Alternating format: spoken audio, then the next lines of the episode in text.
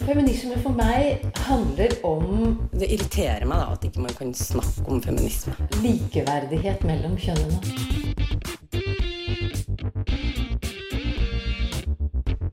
Det blikket på kvinnen på film. handlet det om å bli tatt på alvor som jente. Du hører på Et eget rom på Radio Nova. I dagens Norge har vi ytringsfrihet. Vi får tycka, tänka och uttrycka oss så som vi vill. Men när det kommer till kläder så har vissa plagg mer stigma runt sig än andra.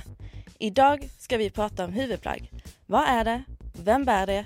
Och hur kan det kännas att ha det på sig?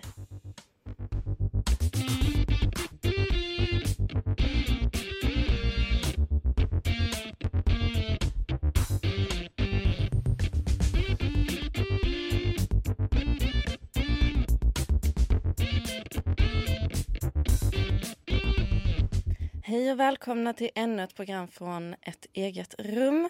Vi är Radio Novas feministiska radioprogram och vi ska idag prata om det här med att bära huvudplagg eller huvudbonader. Med mig i studion idag har jag vår kära tekniker Hilde Svensson. Eh, vi som kommer att leda dig genom den här timmen är då Linda Therese Rosenberg och jag Sofia Fischer.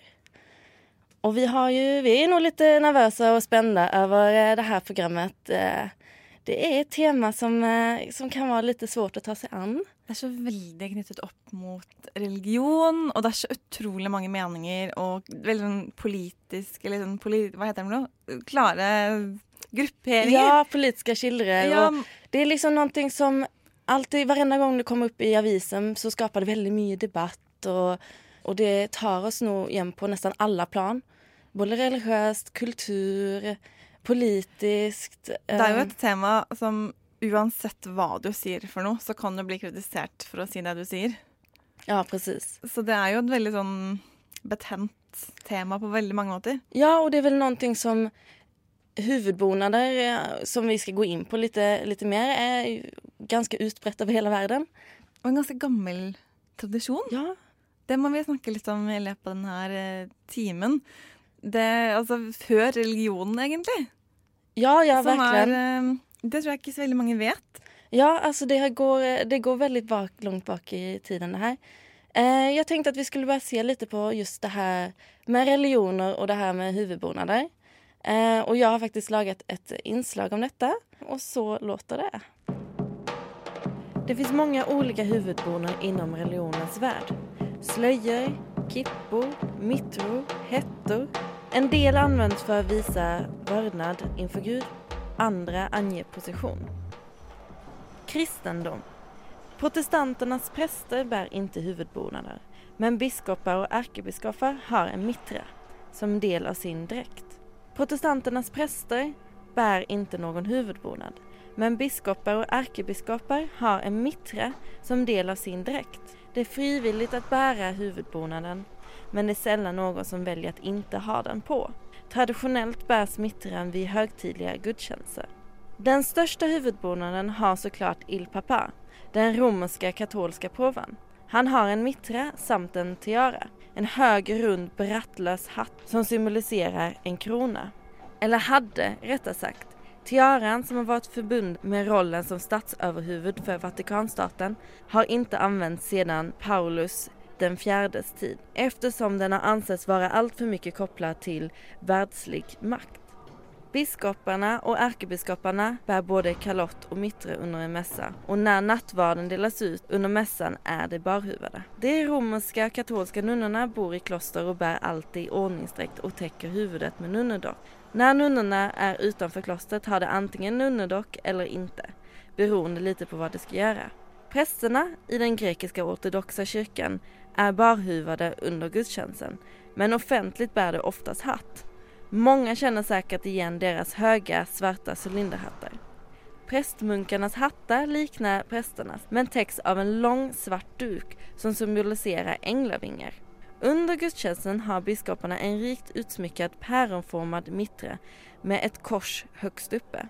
Inom katolismen och den ortodoxa kyrkan ska manliga gudstjänstbesökare gå in med bart huvud medan kvinnor förväntas täcka håret med en sjal eller hatt eller bara sätta upp håret. Islam. De flesta muslimer världen över tolkar texten i Koranen som att den föreskriver att kvinnor ska bära olika former av slöja och därmed dölja sitt hår utanför hemmet. Hijab, som betyder skydd, bars från början endast av överklassen. Slöjans utformning varierar väldigt mycket mellan olika delar av världen. Den heltäckande plagget burka, som bara har en litet nät framför ögonen, var ursprungligen en dräkt för hovdamer när de lämnade platser. Idag används den främst av kvinnor i Afghanistan och delar av Pakistan. I Iran har kvinnor svart chador från huvud och ner till fötterna, men en del av ansiktet visas. Sjal som täcker hår och hals kan idag bäras mer moderiktat med fantasifulla arrangemang, tyger och festklips. Männen har tidigare alltid burit huvudbonad, helst turban. Numera är det vanligt att muslimer endast täcker huvudet med en hetta under bönen. Precis som bland kvinnor har huvudbonad kommit att kännas lite omodernt i Europa. Den röda fesan används främst av högre utbildade män och har inget med islam att göra.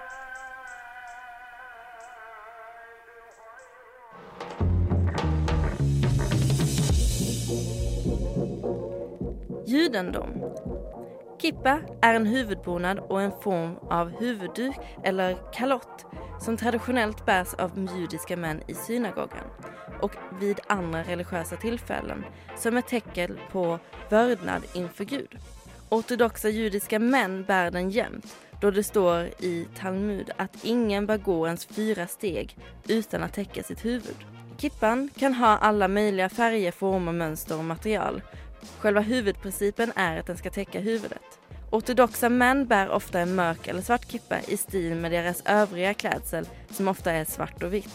Troende gifta judinnor ska täcka sitt huvud, närmare bestämt håret, när de vistas offentligt. Det räcker ofta med en sjal, men vissa ortodoxa kvinnor rakar av sig håret och bär istället en peruk, medan ultraortodoxa skippar peruken och bär en sjal direkt som huvudsvång. Återigen är det inget som finns att läsa i skrifterna.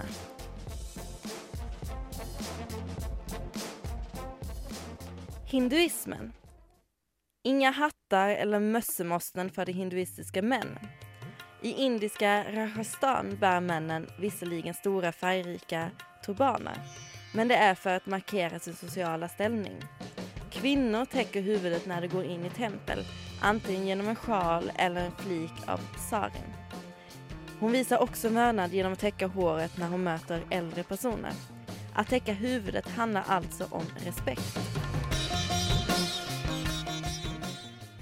Sikhismen är en egen religion med cirka 25 miljoner utövare. De flesta bor i Indien, men sikher finns också i USA, Europa och Australien. Ortodoxa män och kvinnor som tillhör Khalsa-orden och följer de religiösa religionerna bär en turban eller en keski. Under den här har de satt upp sitt hår som de aldrig klipper. Reglerna bygger på tidiga tolkningar av den levnande regeln olika gurus förespråkat. Reglerna bygger på tidiga tolkningar av de levnadsreglerna som olika gurus har förespråkat. Turbanen kan också bäras av män som inte är religiösa men ändå vill visa sin kulturella tillhörighet. Buddhismen. Inom buddhismen behöver varken män eller kvinnor bära någon huvudbonad. Munkar och nunnor röker istället av sig håret för att det ska distansera sig från kroppen och jaget.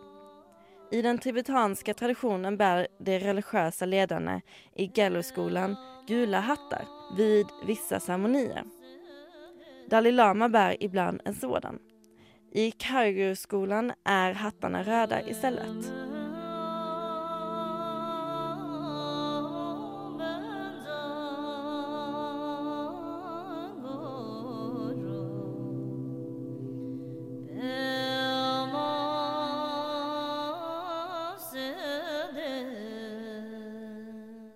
Hörde ett inslag där av mig, Sofia Fischer. Nu blir det lite mer musik. Frans Moody med In Too Deep.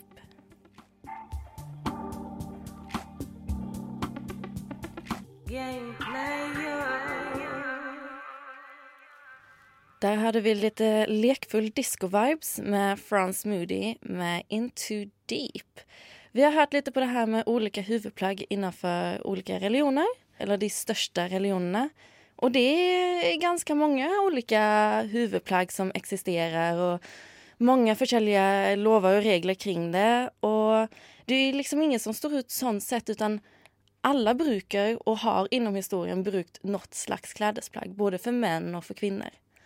Och det är, alltså det är lite intressant det här eh, att det, man tänker kanske att det är mycket sån islam och mycket med hijab, mycket med burka, men det är det finns överallt i alla religioner. Ja. Det är en grej med hår och eh, religion. Ja, det är det. Som är väldigt märklig och som ingen kan svara helt på. Men uh, jag har uh, prövat att finna lite ut av detta med, med särskilt kvinnors hodeplagg. Och uh, det finns alltså olika former för slör för kvinnor tillbaka till assyrisk tid, alltså på mer än 3500 år tillbaka. Herregud. Eh, som har blivit tatt in i För det var jo sånn tingen, eller hverdagen var eh, når jødedommen oppsto, når kristendommen oppsto, og når islam oppsto. Um, og det var veldig vanlig eh, i tidlig middelalder at både jødiske og kristne de dekket til håret. Og det var så ganske vanlig at de Du kalte det jo ikke en, en nikab som man gjør i dag, men man dekket til liksom hele kroppen. Ja. Så man bare så Noen ganger så så man bare liksom øynene. Eh, og jeg skal innrømme at nå er jeg litt på tynt vann, eller tynn is, eh, som det heter. Eh, men jeg er ganske sikker på at det står i et av disse brevene som Paulus har skrevet, som i dag er en del av Bibelen, ja. at eh, kvinner skal ta av seg sløret. Og man mener at det betyr egentlig at han mente at kvinner ikke skulle dekke til hele kroppen. At det var egentlig ikke nødvendig. At det ikke trengte å gjøre det egentlig. Ja. Men det her var vanlig, og det er altså slik at um, grunnen til at slør har blitt en sånn veldig viktig del av islam, mm. det var jo fordi at det var vanlig for eh, jødiske og kristne kvinner. Så det, de har egentlig bare tatt til seg den tradisjonen. Og så var det islam som, som spredde denne tradisjonen videre når det utbredde seg utover eh, i Midtøsten. Ja, man får ju inte glömma det att alla religioner liksom sitter lite ihop. De kommer lite från varandra och har ju tagit inspiration av varandra. Så det ger ju mening att att eh, slöret på något sätt kommer ifrån kristendom och jødendom. Som också har tatt den till sig, eller som, ja, som bare var der. Ja, det var eh, knyttet til et, en forestilling om renhet. For kvinner forvalter jo, som vi alle vet, slektens reproduksjon. Ja, selvfølgelig. Eh, og det hvordan de ter seg, oppfører seg, det symboliserer ofte gruppesamhold og orden og moral. Og så har det selvfølgelig noe med status å gjøre. Ja. For særlig jødiske kvinner der, de skulle dekke seg til Nå mistet Det arket mitt, eh, men jeg snakker fremdeles. Eh, og ehm, der var det, liksom, det var de rike kvinnene som hadde råd til fine stoffer og mye stoffer. De dekket seg til. Mens de fattige, de gjorde det ikke. Sånn at hvis du dekket deg til, så var det tydelig tegn på at eh, ikke bare var du gift og dekket deg ordentlig, men du hadde penger. Ja, det är ju liksom, det, det, har man ju läst mycket om nu när vi har sett på detta, att det har mycket med status att göra. Och speciellt inom islam också, det var det som bynte med liksom att däcka sig till, det var ju det rika liksom. När de skulle gå ut bland de vanliga människorna liksom. Eh, så gick ju de som jobbar på, i hovet och sånt, gick ju då däckat liksom. För att visa att de de var ikke så helt som de andre. det er jo en annen ting, da. For man gikk jo ikke med løst hår. Eh, nå vet jeg ikke akkurat hvilken tid man er i, men, men det var det bare prostituerte som gjorde. Ja. Så hvis du var en anstendig kvinne, så satte du opp håret ditt. Ja. Eh, hvis du ikke hadde noe på hodet. Det er noe det her med håret, altså. Det, ja. det, hår, og, hår er farlig. men det er litt merkelig at det er sånn, egentlig. Ja. Hva er greia med hår? Men det er kanskje ikke så mange som vet, da, dette med at jøde, jødiske kvinner det er ganske strenge regler for hår. Ja, At de eh, raker av seg håret og bruker De som er helt sånn ultraortodokse. Ja. Men der også eh, Jeg fant en dansk artikkel som er skrevet av en rabbiner, som mener det at eh, det, hva som er tillatt og ikke, har også vært diskutert blant jøder i ganske mange århundrer. Mm. Eh, og det er jo Vi snakker jo om de ultraortodokse. Det er de som, hvor kvinner må barbere av seg håret. Ja.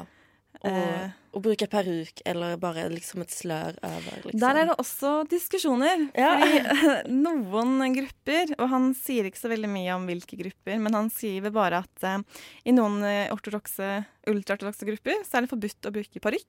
Da bruker kvinner bare et slags slør. som dekker sitt barberte hode. Mens andre steder så er det vanlig at man tillater at en kvinne kan bruke parykk. Ja. Fordi da er det jo ikke hennes hår. Ja. Det er ikke hennes hodepryd hun, hun viser frem offentlig. Och då är det greit. Da er det greit. Det finns många forskjellige måter å bruke slør på. Et annet sett som er veldig vanligt her i Norge er jo det her eh, brudslöret. Och det er kanskje ikke noe vi tenker så mye på. Men eh, vart kommer denne tradisjonen fra egentligen? Eh, Ann-Marie Sundet har tagit seg en nærmere titt på dette, og så låter det.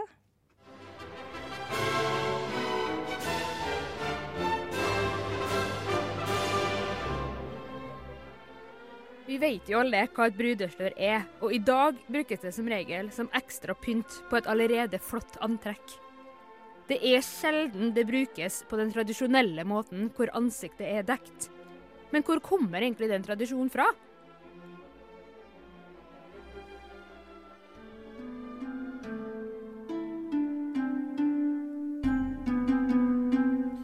Det er mange teorier om hvordan og hvor brudesløret oppsto. I antikkens Roma trodde man bruda trakk til seg onde ånder, og et flammende rødt langt slør ble derfor brukt av bruda for å skjerme seg sjøl mot de her onde åndene. Brudene i antikkens Aten brukte et gult slør som symboliserte ild. Det skulle skremme bort onde demoner. I tillegg er det historier om brudeslør fra norrøn tid, skrevet i Snorresagaen, som forteller om den gangen Thor måtte kle seg ut som brud med slør for å få hammeren sin Mjølner tilbake fra jotnen Trym som hadde stjålet den.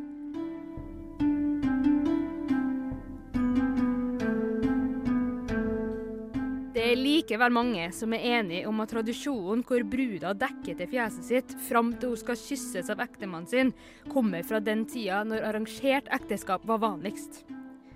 Noen hevder dette ble gjort for at brudgommen ikke skulle ombestemme seg etter han har sett brua, i frykt for at hun ikke var vakker nok.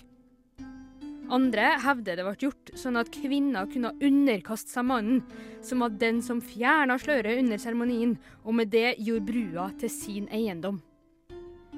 I begge tilfellene er bryllup sett på som en handel av sosial og politisk valuta, hvor bruda kun er et middel som flyttes fra én manns eiendom til en annen i håp om å oppnå status for familien.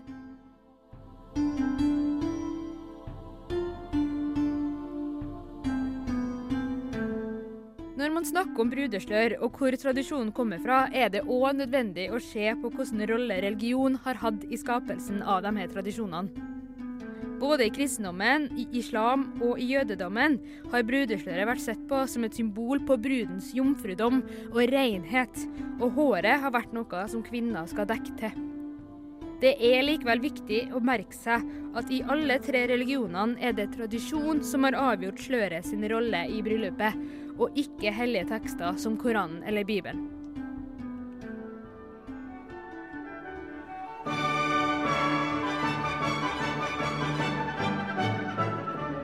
Den hvitkledde bruden med langt hvitt slør, som vi assosierer med tradisjonelle bryllup i dag, stammer fra fransk mote på midten av 1700-tallet. Dette betyr at brudesløret har en lengre og mer variert tradisjon enn den klassiske brudekjolen. Sløret har vært et symbol på alt fra demonbekjempelse til jomfrudom til respekt for en guddommelig kraft. I Norge i dag brukes sløret for det meste som tilbehør, og tradisjonen hvor kvinner dekker til fjeset, blir mindre og mindre praktisert verden over.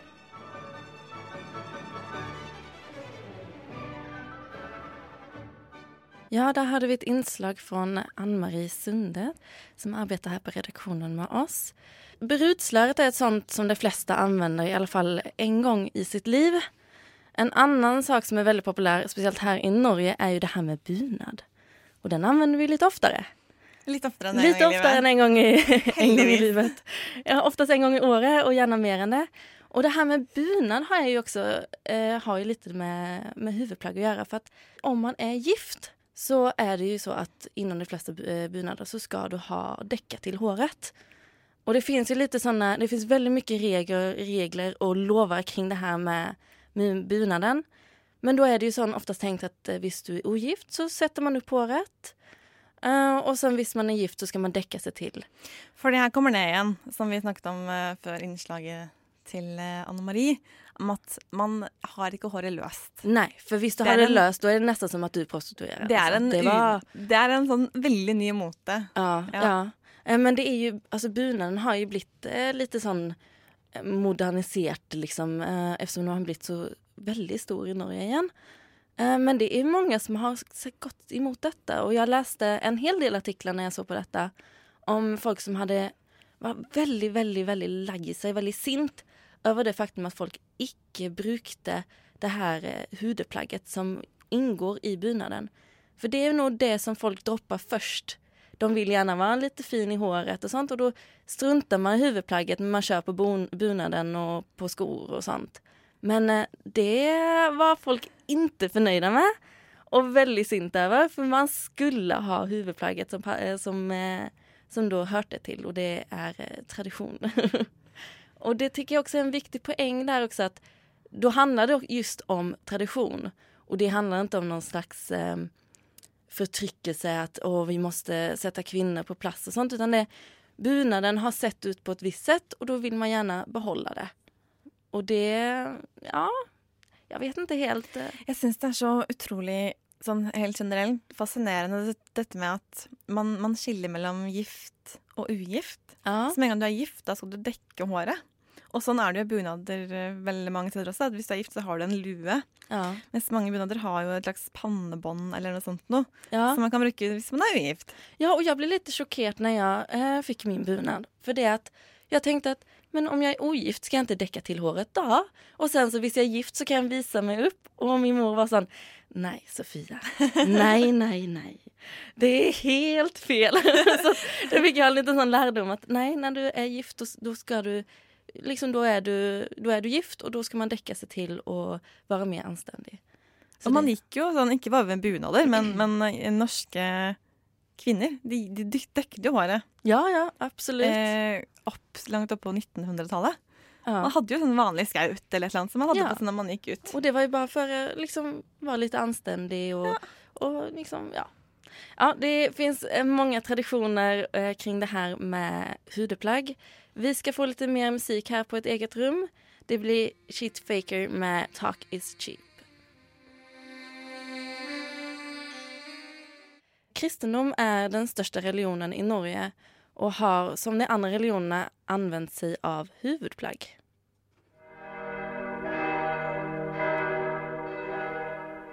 Visste du at slør eller hodebekledning også er en fast del av den kristne tradisjonen?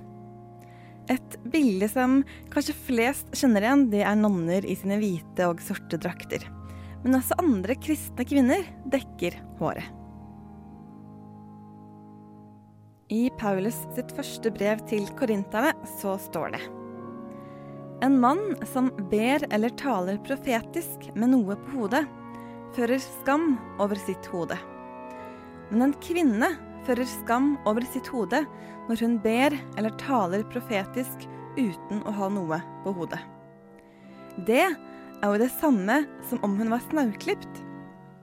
Hvis hun ikke vil ha noe på hodet, kan hun like godt klippe av seg håret.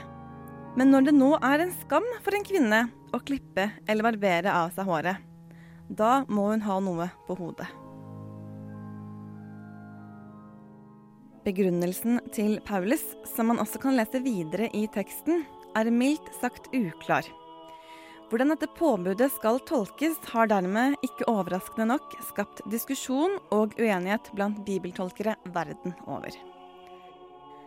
Den amerikanske teologen Benjamin Merkel er blant dem som har tatt til orde for at Skriften legger opp til en debatt rundt maskulinitet og femininitet.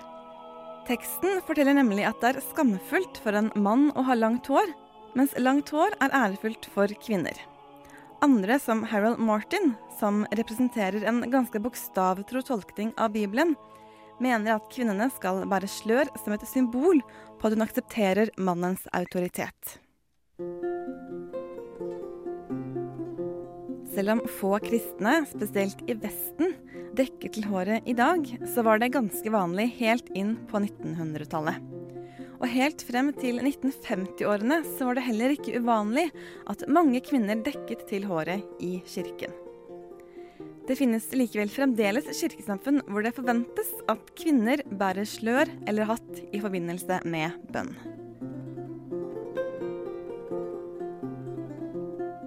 I den protestantiske kirken så har kvinner brukt slør helt siden Martin Luther. For både Luther og de tidlige lederne av den protestantiske kirken oppfordret kvinner til å bruke slør i kirken. I enkelte grupper i dag, som amishene og de som kalles anabaptister, så er det vanlig at kvinner dekker til håret også når de ikke er i kirken.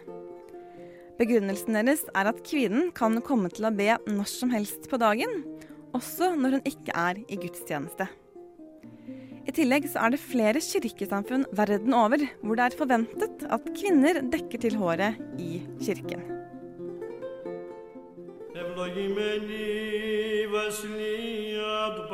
Også i den ortodokse og den katolske kirke så er det flere som velger å bruke slør eller hatt i kirken. I den ortodokse kirken så er det påbudt å dekke til håret i enkelte kirker, mens andre steder er et individuelt valg som hver enkelt kvinne tar selv. Den katolske kirken innførte faktisk et påbud om at kvinner skulle dekke til håret i kirken i 1917. Men skikken var vanlig lenge før det. Faktisk så er det funnet skrifter tilbake til før år 1000, hvor det står at kvinner bør dekke til håret i kirken. Påbudet i den katolske kirken ble opphevet i 1983, men fremdeles så er det ganske vanlig i enkelte katolske land at kvinner bruker slør i gudstjeneste.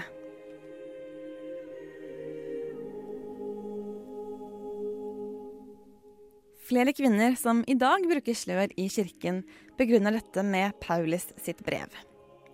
Paul Sebulov, som er prest i den danske ortodokse kirken Guds moders beskyttelse, mener på sin side at et valg om å bruke slør ikke kan begrunnes teologisk, og påpeker at det egentlig ikke finnes noen særlige regler for bruk av slør i Bibelen.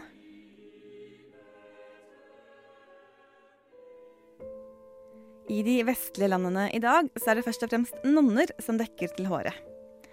Drakten eller tørkleet de bruker skal være et ytre tegn på innvielse. Det er derfor vanlig at novisene bruker hvitt slør, mens nonner, de som har avlagt sitt løfte til Gud, bruker et sort slør.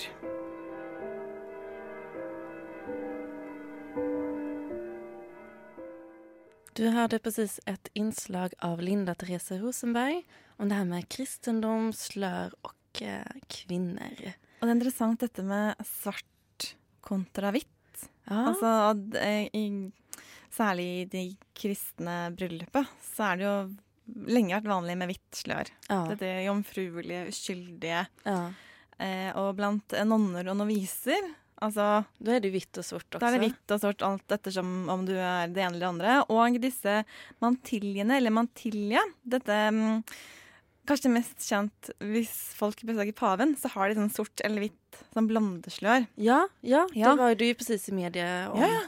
Eh, det er spansk og betyr eh, lite dekk, altså et lite dekke, da.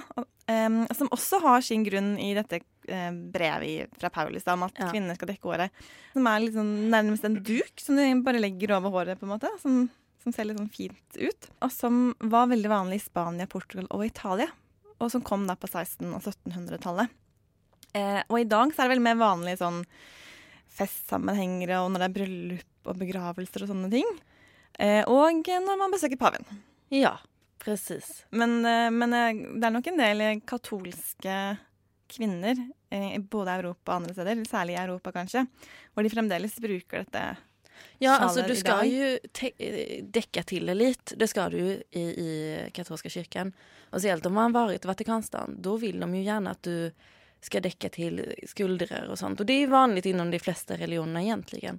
Men just det här att man ska däcka till, till håret när man, eh, när man träffar paven, det är ju... Det er egentlig bare en sånn æresak. Ja, det han er er, liksom- eh, han jo, Man kan si hva man vil om mye, men, men han er en kanskje veldig viktig religiøs leder for veldig mange. Selv Ja. om han ikke er en statsleder, så har han en ganske stor innflytelse på ganske mange millioner mennesker i hele verden. Han har ju det och man må ju liksom visa honom med respekt. Och det är det som är liksom hela poängen då, att kvinnor ska... Men det jo ikke forventet. Det er flere statsledere som har besøkt ham, og som ikke bruker denne mantiljen. Ja, Men der også er det da svart og hvitt. Du skal bruke hvitt hvis ikke du er gift, og sort hvis du er gift. ja det är... Och det... Det, det är så... Det blir så underligt, Pelle. Det blir så... eh, Jag blir så satt ut nästan. Att eh, det är så mycket regler kring det här. Med det här slöret, med de här färgerna man ska ha och... Men dette, hvis vi går tilbake til disse nonnene, som har disse nonnedraktene, det var jo Det kom jo fra en vanlig tradisjon eh, i Europa på 1100-tallet, hvor hvis du var forlovet, eller hvis du var gift, så skulle du dekke hår og hals og skuldre. Ja. Og så var det Vi snakker jo om en slags moteting, så etter en stund så var jo ikke det så veldig moderne lenger. Så det var bare enker og gamle damer som brukte det. Men så har det da fortsatt innenfor klostrene hos nonnene. Ja. Nej, men det, det är lite sån, det är mode och det är många, mycket som spelar roll i det här, det är det. Eh, vi ska få lite mer musik här på eh, Radio Nova och från Novas A-lista vi får lite eh, samtidsdjungel från Coast X Zone med Feel Real.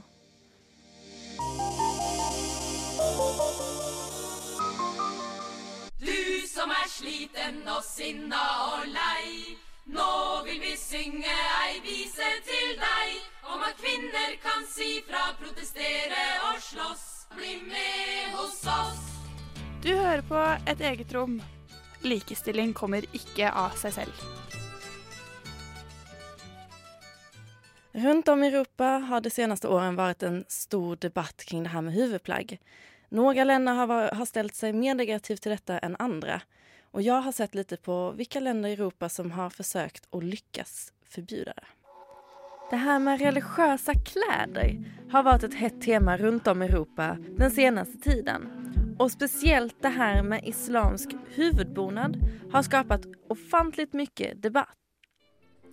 Frankrike var en av de första europeiska länderna att förbjuda den heltäckande burken, eller också niqab, som endast då lämnar en liten glippa för ögonen. Förbudet, som då var på allmänna platser, infördes i 2010. En kvinna som blev tagen i att bära en burka eller niqab kunde dömas till 150 euro i böter eller tvingas att gå en medborgarkurs. Män som tvingade sina koner eller döttrar att bära burka eller niqab kunde dömas till 30 000 euro i böter eller ett års fängelse. Europadomstolen menade att förbudet icke stred mot religionsfrihet. Belgien förbjöd heltäckande slöja på offentliga platser i 2011. I september i 2012 avslog landets högsta domstol en överklagan mot förbudet och slog då fast att förbudet inte kränkte de mänskliga rättigheterna. I flera städer i Italien har lokala förbud upprättats mot huvudbonad där ansiktet täcks. Vissa borgmästare från partiet Lega Nord har också infört förbud mot så kallad burkinis, alltså heltäckande baddräkt. Spanien. I storstaden Barcelona förbjöds kvinnor i 2010 att bära burka och niqab i kommunala byggnader såsom dagis, bibliotek och marknader. Flera mindre städer har också röstat för ett förbud. Nederländernas regering föreslog 2015 ett partiellt förbud mot att bära kläder som täckte ansiktet, som till exempel burka och niqab, på vissa offentliga platser som skolor, psykehus och kollektivtrafik. Inrikesminister Roland Plasterk sade efter beslutet att förbudet inte var religiöst motiverat utan hade blivit taget av säkerhetsskäl. Förbudet var då tänkt att gälla även ansiktsmasker. Många länder i Europa har ställt sig negativt till bärandet av religiösa huvudbonader. Europadomstolen sa nu i 2017 att interna ordningsregler hos företag som förbjuder bärandet av synliga filosofiska, politiska eller religiösa symboler utgör inte en direkt diskriminering. Detta betyder att företag runt om i Europa nu alltså får införa klädkoder, vilket betyder att de kan neka en kvinna som bär en huvudbonad.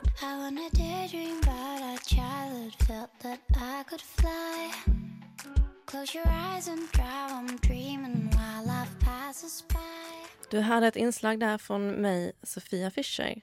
Det här med huvudplagg och speciellt bärandet av islamsk slöja har då blivit en fråga som har använts eh, lite som ett politiskt medel och har skapat otroligt mycket debatt runt om i Europa de senaste åren. Ett exempel på detta är ju då politiker som har eh, ja, ställt sig väldigt negativt och då kan man ju se på vänsterledaren Ski Skei Grande. Skei Grande, nu kommer norska namn igen. Ja. som vägrade att resa till det iranska parlamentet i 2015 eftersom detta skulle innebära att hon var tvungen att använda hijab. När det här kom ut i 2015 så skapade det ju väldigt mycket diskussioner i nyhetsflödet. Det är ju en pågående debatt det här med den här hijaben och den här burkan och niqab och allt däremellan. Det er jo særlig når vestlige politikere skal besøke Saudi-Arabia og Iran. Ja. For i de landene så er det jo påbudt for kvinner å bruke eller dekke seg til. Eh, og så er det liksom spørsmålet ja, men hva da med vestlige ledere? Og hver gang en, en vestlig politiker, kvinne, kommer til f.eks. Saudi-Arabia, Mm. eller eh, konen til en statsleder, så blir det et oppslag har hun eller har hun ikke Ja. slør. Ja. Eh, og i år så har det vært eh, Først så var det Theresa May. Hun hadde ikke slør. Det ble oppslag. Eh, så kom Angela Merkel. Hun hadde ikke slør. Det ble oppslag. Og så kom familien Trump, og hun Melania hadde ikke slør. Det ble oppslag. og det bare sånn, ja. Men det er, en, det er litt forskjell mellom Iran og Saudi-Arabia. Ja, sen, At det er mer godtatt hvis du er vestlig leder og Ja, kommer det til det Saudi-Arabia uten. det är det som är lite tinga också. Att det är en helt annan sak att komma dit som turist och komma dit som en politisk ledare än att faktiskt bo där. Ja, För påbudet sånn- är ju inte alls, det är ju det de säger att man bör ha det på sig men det är ju inte alls samma påbud som om du faktiskt är därifrån och lever och bor där. Men eh, hvis vi går tilbake til 2015, så var det jo hun som eh, var ambassadør i Norge i Iran. Ja. Eh, hun eh, fikk kritikk for at hun møtte eh, iranske ledere, og hadde da slør for å dekke håret. Og da var det iranske aktivister som kritiserte henne og sa at det handler ikke om å respektere deres regler, men, men når kvinner fra Vesten gjør det, så får bare myndighetene nok et argument mot sine egne kvinner. Sånn, så jeg til og med vestlige kvinner dekker håret sitt når de kommer til oss, derfor så må du også gjøre det. Og det her var jo midt i denne kampanjen i sosiale, sosiale medier, Ja. eh, My Stealthy Freedom, eh, Mm. hvor iranske kvinner tok bilder av seg selv uten slør og postet. Og som fikk massive reaksjoner blant særlig konservative menn i Iran. Som ställer sig väldigt negativt till att... eh, Veldig negative. Ja. Og de ville ha sanksjoner fra myndighetene. Og du risikerer jo, hvis du er iransk kvinne, piskeslag hvis du blir tatt offentlig uten slør. Så det er jo ekstremt strengt. Ja, herregud. Ja. Och det, det blir ju lite sån också då för, för dessa politiska ledare som reser ner dit. Menar, vad, vad ska de göra? Ska de göra så som traditionen säger liksom? Ska de visa respekt? För det är ju egentligen det det handlar om. Att, ha- att, ha, lite, att ha det här slöret på sig handlar ju bara om att visa respekt för ledarna som du ska träffa. Det blir samma sak som om du har en ledare som kommer från andra delar av världen när man spiser med händer. Kommer du till Norge eller sånt som som en politisk ledare så får du spisa med kniv och gaffel. Det är, liksom, det är respekt att du liksom lite tar över deras normer. Men när, Irans, när kvinnor i Iran faktiskt ställer sig negativt till detta så sätts man ju lite sån mellan en rock and a hard place. Liksom. Hur ska man som en politisk ledare agera då? Ja, jeg tror noe av det som er litt vanskelig her, er jo at det er et påbud. Sånn at hvis du bor der og er muslim, så har du ikke et reelt valg om du vil bruke det eller ikke. Så det er kanskje annerledes hvis det f.eks. hadde vært Pakistan, hvor det er ganske vanlig, men det er ikke et påbud. At man hadde kanskje vist mer respekt og blitt godtatt hvis man var vestlig leder og kom med slør, enn f.eks. i Iran, hvor det er påbudt, og ting blir mye mer sånn betent med en gang. Ja, det blir, det blir en, eh, en vanskligare debatt, det blir det absolut. Eh, vi ska gå vidare här med lite ny popmusik med artisten Closing Eyes och Emil Nicolas med låten Bambol. Det var Closing Eyes och Emil Nicolas med låten Bambole som faktiskt betyder docka på italienska. Fun fact. Tänk det, tänk det. Nå har vi vært litt innom sånn på slutten om dette med muslimer og, og hijab. Og den hijaben som man har i dag, den er faktisk eh, Den kom på 70-tallet. Altså 1970-tallet. Den er såpass ny. For på den tiden så ble jo de midtøstlige landene mye mer sånn seksualisert. Ja. Og da var det mange som kastet sløret. De ville ikke bruke slør lenger, altså disse kvinnene.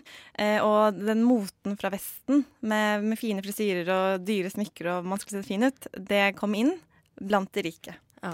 Og da var det mindre rike, eller fattigere kvinner fra universitetene som mente at nei, vi gjør et slags opprør.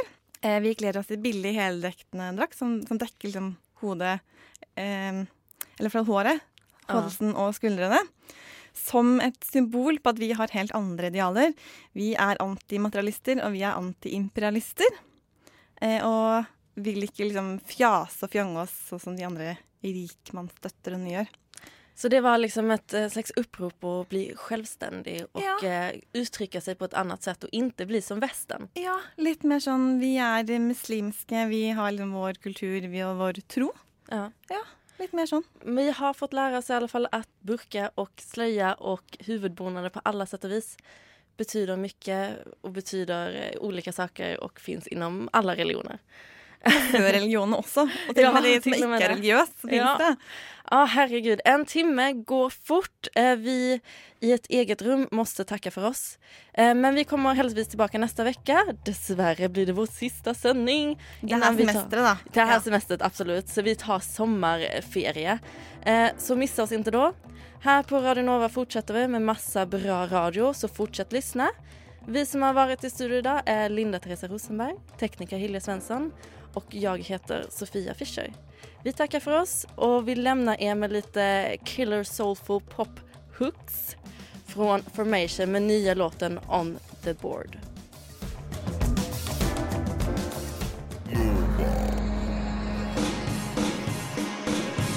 Du har hørt en podkast fra Radio Nova. Likte du det du hørte? Du finner flere podkaster i iTunes og på våre hjemmesider radionova.no.